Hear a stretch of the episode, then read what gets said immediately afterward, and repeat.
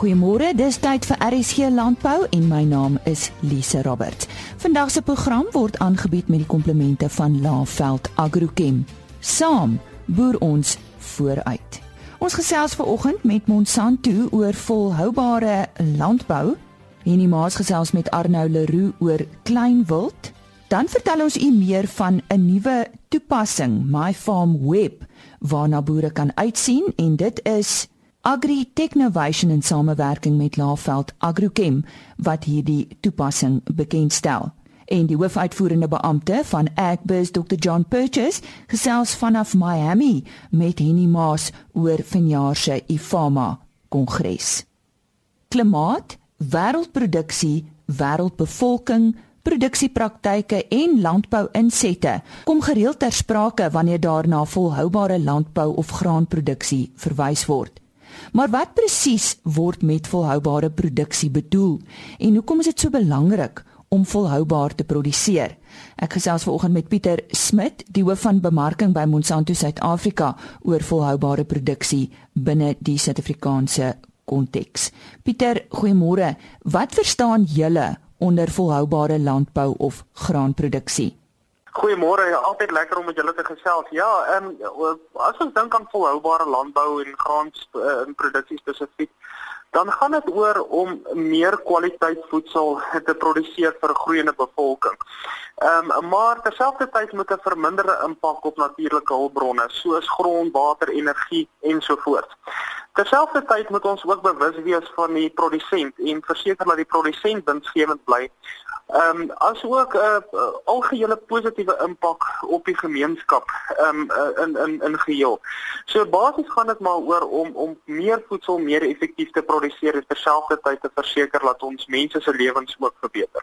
Hierdie is nou seker maar 'n vanselfsprekende vraag, maar uh, julle kan vir ons die tegniese antwoord daarvan gee. Waarom is volhoubare voedselproduksie so belangrik? Ja, ehm um, as ons as ons kyk na die wêreldbevolking, ehm um, jy weet sit ons sit ons met 'n situasie waar waar die wêreldbevolking groei teen 'n konstante tempo. Binne die 20, 30 jaar van nou gaan ons met 9 miljard mense op aarde sit. Uh, Terselfdertyd word ons natuurlike hulpbronne nie meer nie.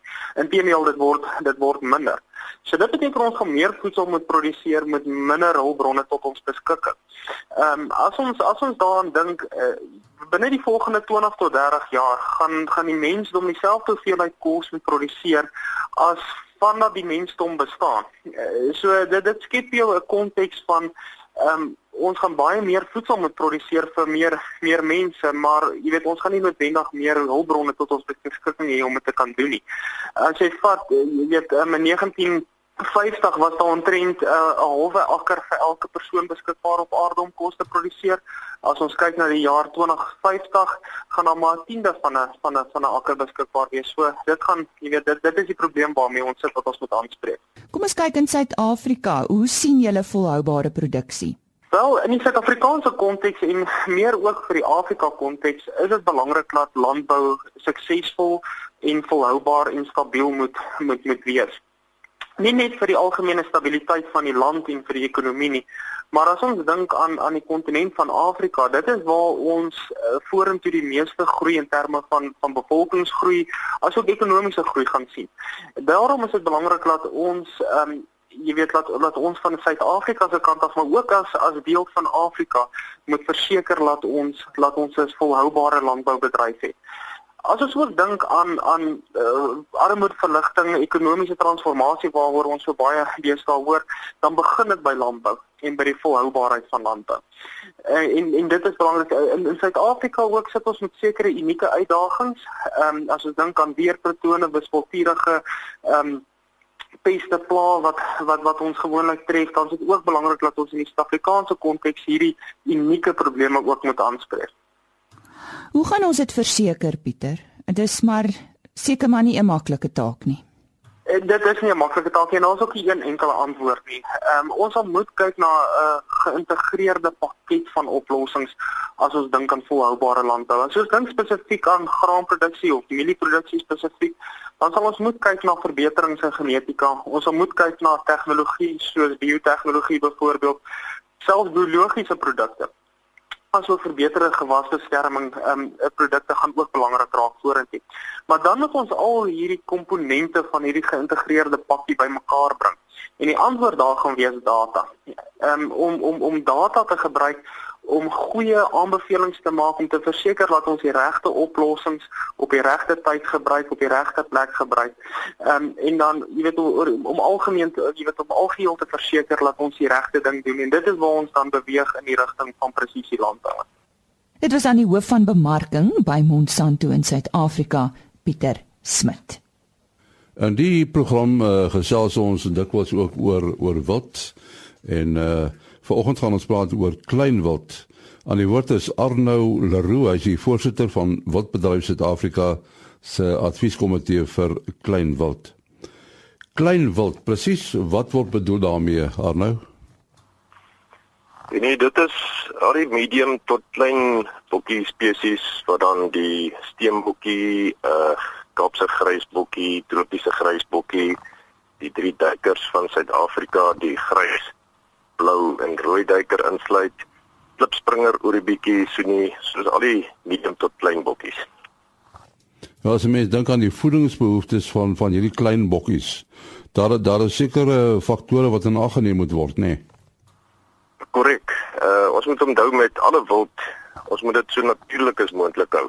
En uh indien ons hulle in 'n in 'n oop stelsel het in 'n natuurlike situasie, het hulle dan die toegang tot al hulle natuurlike plant uh spesies. Maar die oomblik as ons hulle in 'n boerdery situasie het, moet ons weet dat ons dit met die nodige beplanning uh oordeelkundig moet doen. Uh die belangrikste is die eet moet so natuurlik as moontlik gehou word. Nou daar seker van hulle wat waarskynlik blaarvreters is en ander grasvreters, is dit so? Dis korrek. Ehm um, die duikerspesies is uh meer geneig om van blare en vrugte en dies meer gebruik te maak waar die steenbokkie en die oerietjie weer grasvreters is. Maar uh die laat 'n mens deeglik kennis moet dra oor elk van die spesies se uh, se natuurlike voedingsbehoeftes voordat 'n mens met hulle begin uh om ons sê maar boer uh, het sy ekstensief of intensief. Nou as 'n mens aanvullings gee, moet 'n mens hierdie behoeftes ook in ag neem. Jy weet dit is nou blaarvreters teenoor grasvreters. Ja, dit is baie belangrik. Ons moet kennis dra dat klein wild spesies 'n breë spektrum van plante benut in die veld van 0 meter tot 1,5 meter hoog. Hulle benut dan verskillende dele van die plante, het sy nuwe blare en jong lote, blomme, vrugte en sade afhangende wat se tyd van die seisoen dit is. En, en die waterbehoeftes? Water net so belangrik. Baie van hierdie klein spesies is is is nie regtig water uh, uh kom ons sê maar uh afhanklik nie. Maar weer eens as 'n mens hulle in 'n meer beperkte situasie het waar hulle nie kan gaan soek vir vir vog uh in die veld nie, dan is dit tog raadsaam om om 'n uh, goeie bron van skoon drinkwater vir hulle aan te bied op 'n daaglikse basis. Ja, wildboere is geneig om om die diere in kampe aan te hou. Ek dink net byvoorbeeld aan die uh, aan die steenbok byvoorbeeld uh, wat seker 'n redelike groot kamp nodig het. Hoe pas 'n mens daaraan? Ja, ons wil alles natuurlik so natuurlik as moontlik doen, maar uh, alles is maar uh, ingekamp. Het sy die kreer in in 2 2 miljoen hektaar, wildsplaas miskien 1000 hektaar en die oomblik as 'n mens meer intensief begin teel, ehm uh, byvoorbeeld 'n 1 hektaar kamp, dan is dit belangrik dat die area op die plaas wat 'n mens kies vir hierdie verskillende klein spesies min of meer verteenwoordigend is van die voorkeur habitat wat hierdie klein spesies dan uh verlang. Maar dan raak dit belangrik om boonbehalwe die natuurlike plante wat beskikbaar is om byvoeding te gee. Ja, die volgende, volgende vraag, die geld seker alle wat bosindringing. Is dit 'n probleem uh, in 'n wildkamp situasie? Ja, bosindringing is altyd uh, 'n uh, wanbalans wat 'n mens moet herstel. So mens moet die regte verskeidenheid uh en en hoeveelhede van die verskillende spesies hê, het sy bos wat dan die gras onderdruk. So mens moet selektief uh die indringer spesies dan uitdun en dit dan so in stand hou. Ehm um, die kleinwild speel wel 'n baie belangrike rol om 'n bosindringing saailinge te benut. So hulle hulle speel tog ook in daai opsig 'n baie belangrike rol. Uh, die die hele klein wild aspek van wildbedryf Suid-Afrika, is dit iets wat besig is om te groei? Ek dink definitief so. Kleinwild was ongelukkig vir baie lank was was al van half afgeskeep geweest, maar ek dink net soos wat uh, ons nou kennis neem van die belangrikheid van al die groter spesies, ehm um, neem ons nou kennis van die belangrikheid van al die kleiner spesies in die ekosisteem in die natuurlike veld, maar so ook in in die wildbedryf self. Daar sê dit was uh, Arno Leroux, hy is die voorsitter van Wildbedryf Suid-Afrika se advieskomitee vir kleinwild. Dankie Annie. Volgende aan die woord is Willem Eigenhuis. Hy is die hoof landboukundige vir graan by Agri Technovation. Die maatskappy wat verantwoordelik is vir die ontwikkeling van die My Farm web toepassing, gesels nou met ons. Agritech Innovation in samewerking met Laveld Agrochem het besluit om hierdie toepassing te ontwikkel. Willem, goeiemôre. Geef ons die rede? Lieve, goeiemôre en goeiemôre ook aan al die luisteraars. Baie dankie vir die geleentheid om julle te kan gesels oor hierdie nuwe tegnologie, My Farm web. Nou as ek kan begin om te sê net so William Thomson Kelvin het al reeds in die 17de eeu gesê as jy nie iets kan meet nie, kan jy ook nie die uitkoms verander of verbeter nie. So die hele farmweb proses is 'n meetproses. Nou farmweb is 'n internetgebaseerde platform waar ons alle ontledings en presisiedata wat ons bymekaar gemaak het, wil ons graag op hierdie stelsel laai en dan wil ons verder analises daarmee kan maak. En Lize, meeste presisie boerderyprosesse doen ontledings vandag, maar hulle vergelyk dit nie verder met mekaar of later weer met stroper daar. En dit is regtig waar waar ons geleentheid lê. Uh mens kan ook wêreldwyd sien dat baie data gegenereer word, maar dat slegs 'n half persent van data ooit verder verwerk word. En veral ons in die graanbedryf het 'n baie groot geleentheid omdat ons natuurlik stroperkaarte het wat baie uniek is, kan ons verder ontleed en analiseer. Nou die boere bydiglik sit met baie lae prys scenario's en ons kan die data ontleed om meer inligting te genereer want ons wil probeer af van watter kunsmis, watse basters of kultivars teen watter plantdigthede op watter grondtipes doen dit die beste. Dit wil sê as dis twee dinge wat vir my baie belangrik is hierso is dat ons nuwe geleenthede kan ontbloot op plase wat voorheen nog nooit moontlik was nie en dat ons in staat is om beter en akkurater dan vir boere te kan doen. Uh, Willem, hoeveel data het julle en kan net julle eie data gebruik word op die MyFarm web platform? Dis ons is baie opgewonde. Ons het reeds uh, 2000 plase in Suid-Afrika se data op MyFarm web gelaai. En ons wil natuurlik die presiese ontledings vir boere self doen en self die data laai. Maar wat belangrik is om te weet dat ons enige elektroniese syfers van enige maatskappy kan intrek op Farm web en dit dan daar gebruik. Ek dink dit is belangrik dat geen geskiedenis of data wat ons niks verloor van plaas nie, want hoe meer data na ons natuurlik het en verwerk, hoe beter ingeligte besluite kan ons maak. En ek glo databestuur gaan in die landbou in die toekoms al hoe meer 'n belangrike rol speel. Ons moet net fisies ophou raai. En dit is lekker dat die hele dataproses uh, kan jy wetenskaplike gemeete data natuurlik by op die tafel kry want vir my is daar nog te, te veel grys areas aanbevelings en ons wil graag aan boere aanbevelings maak wat wetenskaplik geverifieer kan word. Volgens my kennis is die een sleutelbegrip eenvoud. Hoe maklik is dit regtig om hierdie toepassing te gebruik en wat het 'n boer nodig hiervoor? Dis 'n boer het natuurlik 'n goeie internetkonneksie nodig aan sy kantoor waar sy rekenaar staan. En wat ons dan doen, ons gee vir boer se eie gebruiksnaam en wagwoord of username en password soos die Engelsman sê en hy kan net sy eie data sien. So al sy inligting is natuurlik vertroulik en dit bly in my farm web. En is belangrik dat hierdie stelsel eenvoudig ontwikkel is en uh ontwerp is. Uh liewe ons landbouers is nie altyd die wêreld se grootste IT spesialiste nie en daarom moet dit so eenvoudig moontlik wees. Maar daar's baie hulp van die Laagveld agente en die Agrotech Innovation landboukundiges beskikbaar as boere enigstens vashak. En dan het ons ook 'n nuwe 24/7 hulplyn in plek. So as die boer of kliënt van ons uh, kan dan met 'n spesialis enigtyd praat as hy enigstens vashak dan het my farm web. Die toepassing sien ek maak baie gebruik van grondklassifikasies. Hoe word dit gedoen en hoekom is dit nou so nodig? Lies, ek dink in die verlede is daar baie van profielgate en handboere gebruik gemaak natuurlik om grondklassifikasie te doen. Ehm um, heidaglik gebruik ons 'n geoprobe. Dit is so ligdruk boor wat ons op gronde sit. So die proses baie vergemaklik en koste-effektief gemaak. Dis belangrik omdat amper 70% van jou produksiepotensiaal word deur grondklas bepaal. En met daai inligting kan ons natuurlik vir die boere hulle saad en kunsmis uh, varierende kaarte skryf.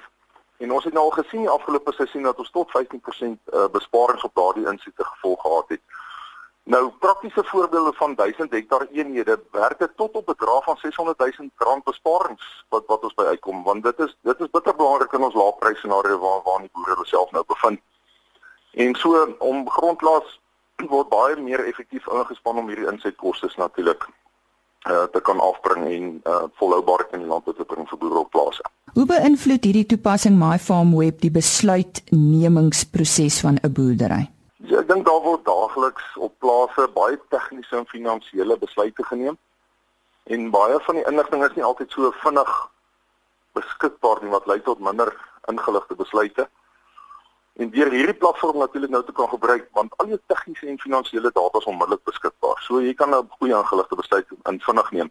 Dit is nou die hele toepassing van plantproses, jou kultivarkeuse, jou grondregstellings en dan ook intyd waterskedulering probes wat ons ook in in in die grond het wat ons aan lewendige ook op farm moet kan sien. Willem vertel ons meer van die spesifieke gebruike van hierdie toepassing. Waarvoor kan dit alles aangewend word? Dis een van die funksies wat my verskriklik opgewonde maak is die winsgewendheid funksie wat gebruik kan word na aanleiding van die opbrengskaarte wat ons natuurlik in farm moet intrek. Uh en dan kan die boer fisies self sy insetkoste gaan insleutel en dan ook sy mielieprys of sy graanprys gaan in insleutel en dan maak met die druk van 'n knoppie maak ons outomatiese kaarte van van sy winsgewendheid met 'n legende waar maak hy verlies, waar breek hy gelyk en waar maak hy wins. So dit wys ons presies uit watter kol op die lande maak jy verlies uh of 'n wins en boere kan dan met daai insetkoste verander om te sien by watter insette klop hulle boerdery se somme. Of miskien in laer opbrengscenario's watter lande moet ons eerder in komende seisoen uh dalk nie plant nie. So dit gee vir jou baie praktiese manier om te sien klop jou som of klop dit nie. Nou, jy het vroeër gesê uh, ons boere is nou nie IT spesialiste nie. Nou verduidelik vir ons prakties hoe 'n boer te werk sal gaan om sy data op julle platform te kry. Waar begin hy?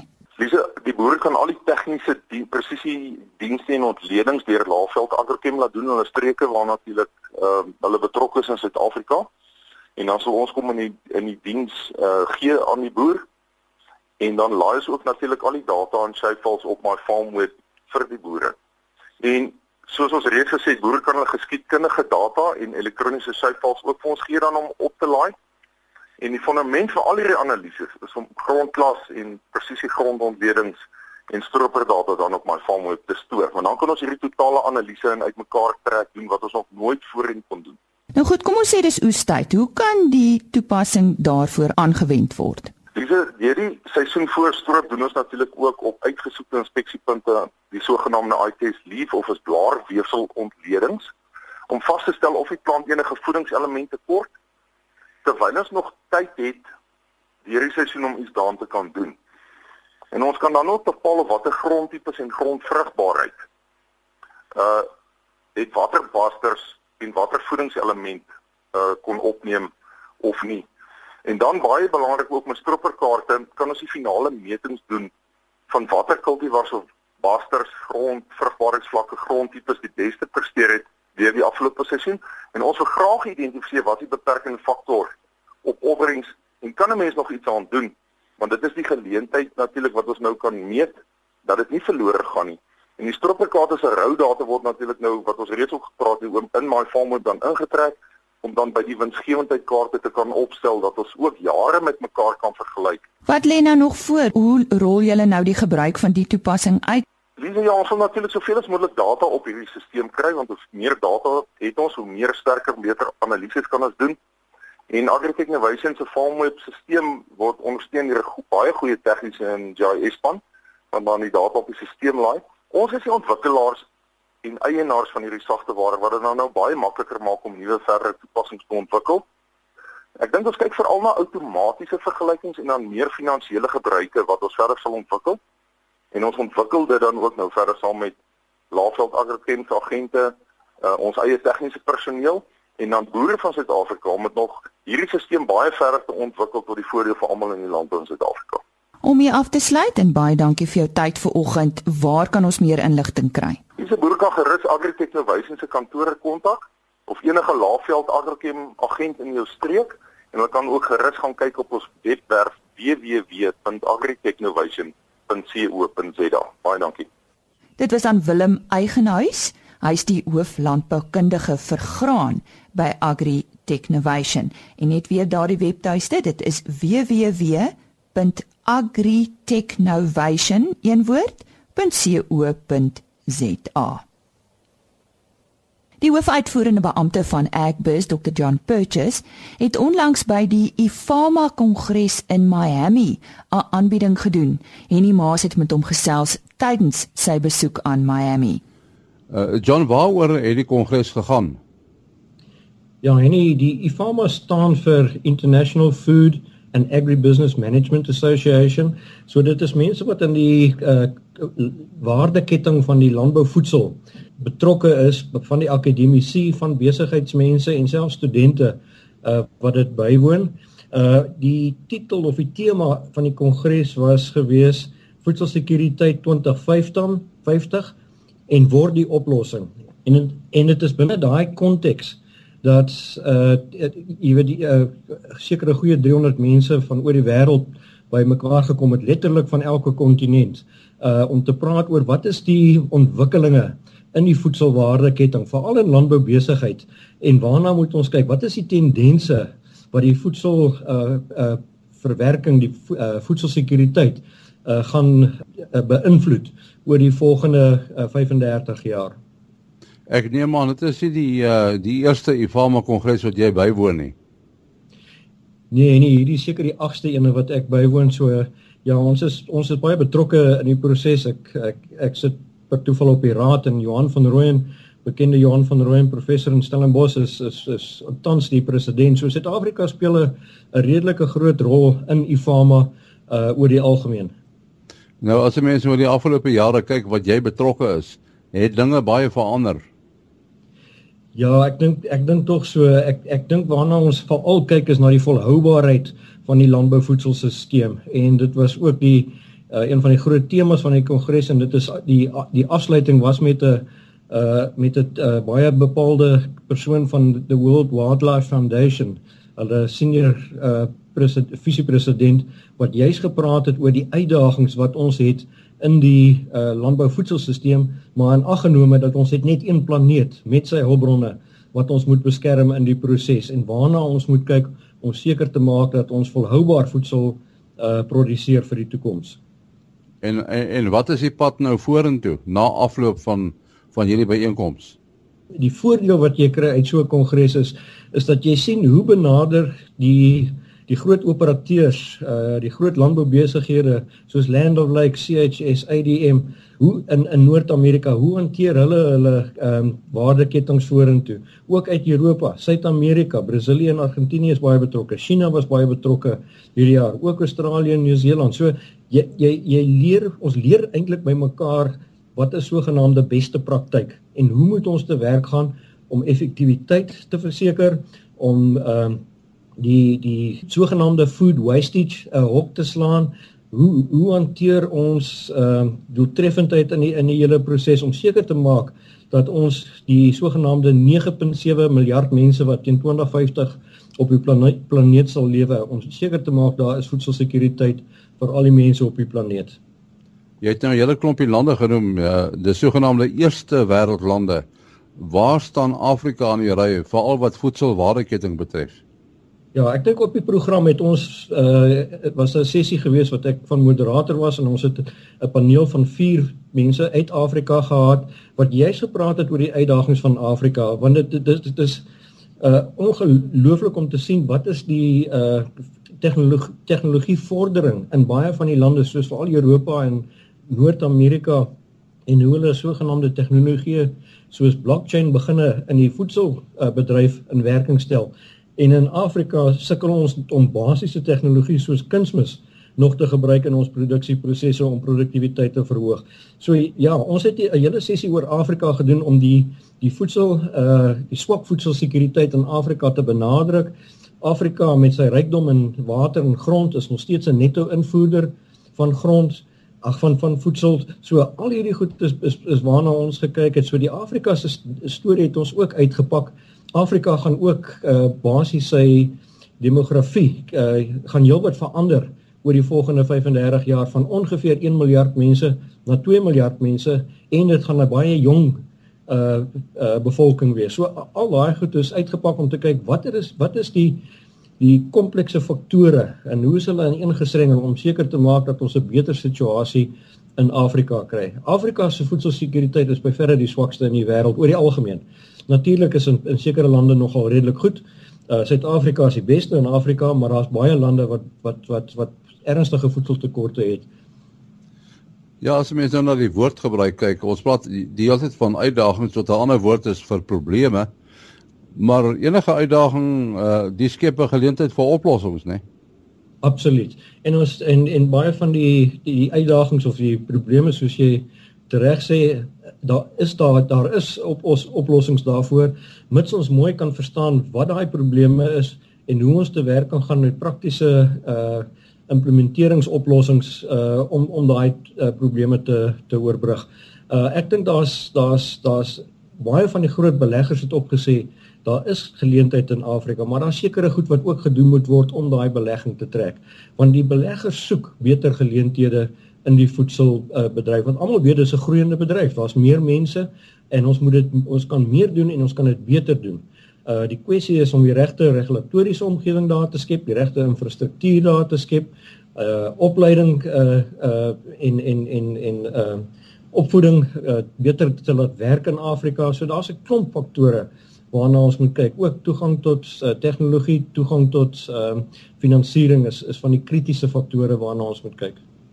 Dit lyk my 'n mens kan nie politiek uit die uh berekening uitlaat nie, né? Nee? Ja, politiek speel 'n baie bepaalde rol en die die beleidsomgewing binne 'n land is is word ernstig na gekyk as 'n as 'n belegger besluit om te belê of nie en of ons dit nou wil weet of nie ons het buitelandse uh, belegging nodig in Afrika in Suid-Afrika maar veral ook in Afrika en so jy moet 'n omgewing skep waar hulle sekerheid het oor hulle belegging en waar hulle billike uh, rendement op hulle belegging kan kry. En dit was dan uh, Dr. John Purchase van uh, die Agribesigheid Kamer hier in Suid-Afrika wat uh kongres in Amerika bygewoon het. Kongres se naam IFAMA. Daar is John. En hier kan ek een ding by kan ek een ding byvoeg. Skus man. Ja ja, dit's fyn. Wat wil jy sê? Uh ek wil net sê dat die ehm um, daar's ook 'n studente uh gevalle studie kompetisie en daar uh 23 spanne het deelgeneem uh, van van universiteite van okay. dwars oor die wêreld.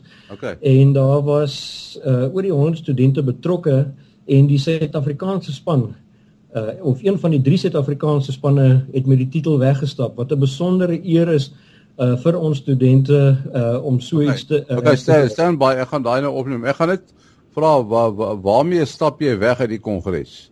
Dan kan jy nou okay. dit byvoeg. Alrite. Ja. Okay, staan vas. John die die, die kongres het nou uh ehm um, afgeloop uh, dit dit is beëindig. Uh jy as 'n uh, persoon wat uh die agri besigheid uh verteenwoordig hier in Suid-Afrika, waarmee stap jy weg in die kongres? En ja, daar's 'n hele paar goed wat ons weer wegstap. Wat is die tendense in verskillende wêreldstreke uh om om seker te maak dat effektiwiteit en voedselsekuriteit nagestreef word? Maar ook een van die bene van die FAMA was die studente gevalle studie kompetisie wat gehou is wat elke jaar gehou is. Ons hou dit ook in Suid-Afrika. Uh hierdie jaar was daar by die 100 studente uh 23 spanne wat deelgeneem het van universiteite van uh letterlik dwars oor die wêreld. Suid-Afrika het 3 spanne gehad onder die sogenaamde African Chapter van IFAMA en een van die spanne het met die laure weggestap. Hulle was die wenspan gewees en 'n baie groot geluk aan hulle. Dis eintlik 'n pleintjie ook vir Suid-Afrika en, en universiteite en die opleiding wat ons het in landboubesigheid dat ons hierdie vlak van studente uh kan tentoonstel en ontwikkel in Suid-Afrika. Van watter universiteit is is die studente? Die span wat opgemaak is was uh van drie universiteite van Tikkies, Maties uh en van Vrystaat Universiteit. En die maas wat daar gesels het met die hoofuitvoerende beampte van Agbus Dr John Purchase oor vanjaar se IFAMA kongres daar in Miami in die FSA. Onthou môreoggend weer saam met ons te kuier. Vandag se RC Landbou is aangebied met die komplemente van Laveld Agrochem. Saam boer ons vooruit. RSG Landbou is 'n produksie van Blast Publishing. Produksieregisseur Henny Maas. Aanbieding Lisa Roberts en 'n notas koördineerder Jolande Rooi.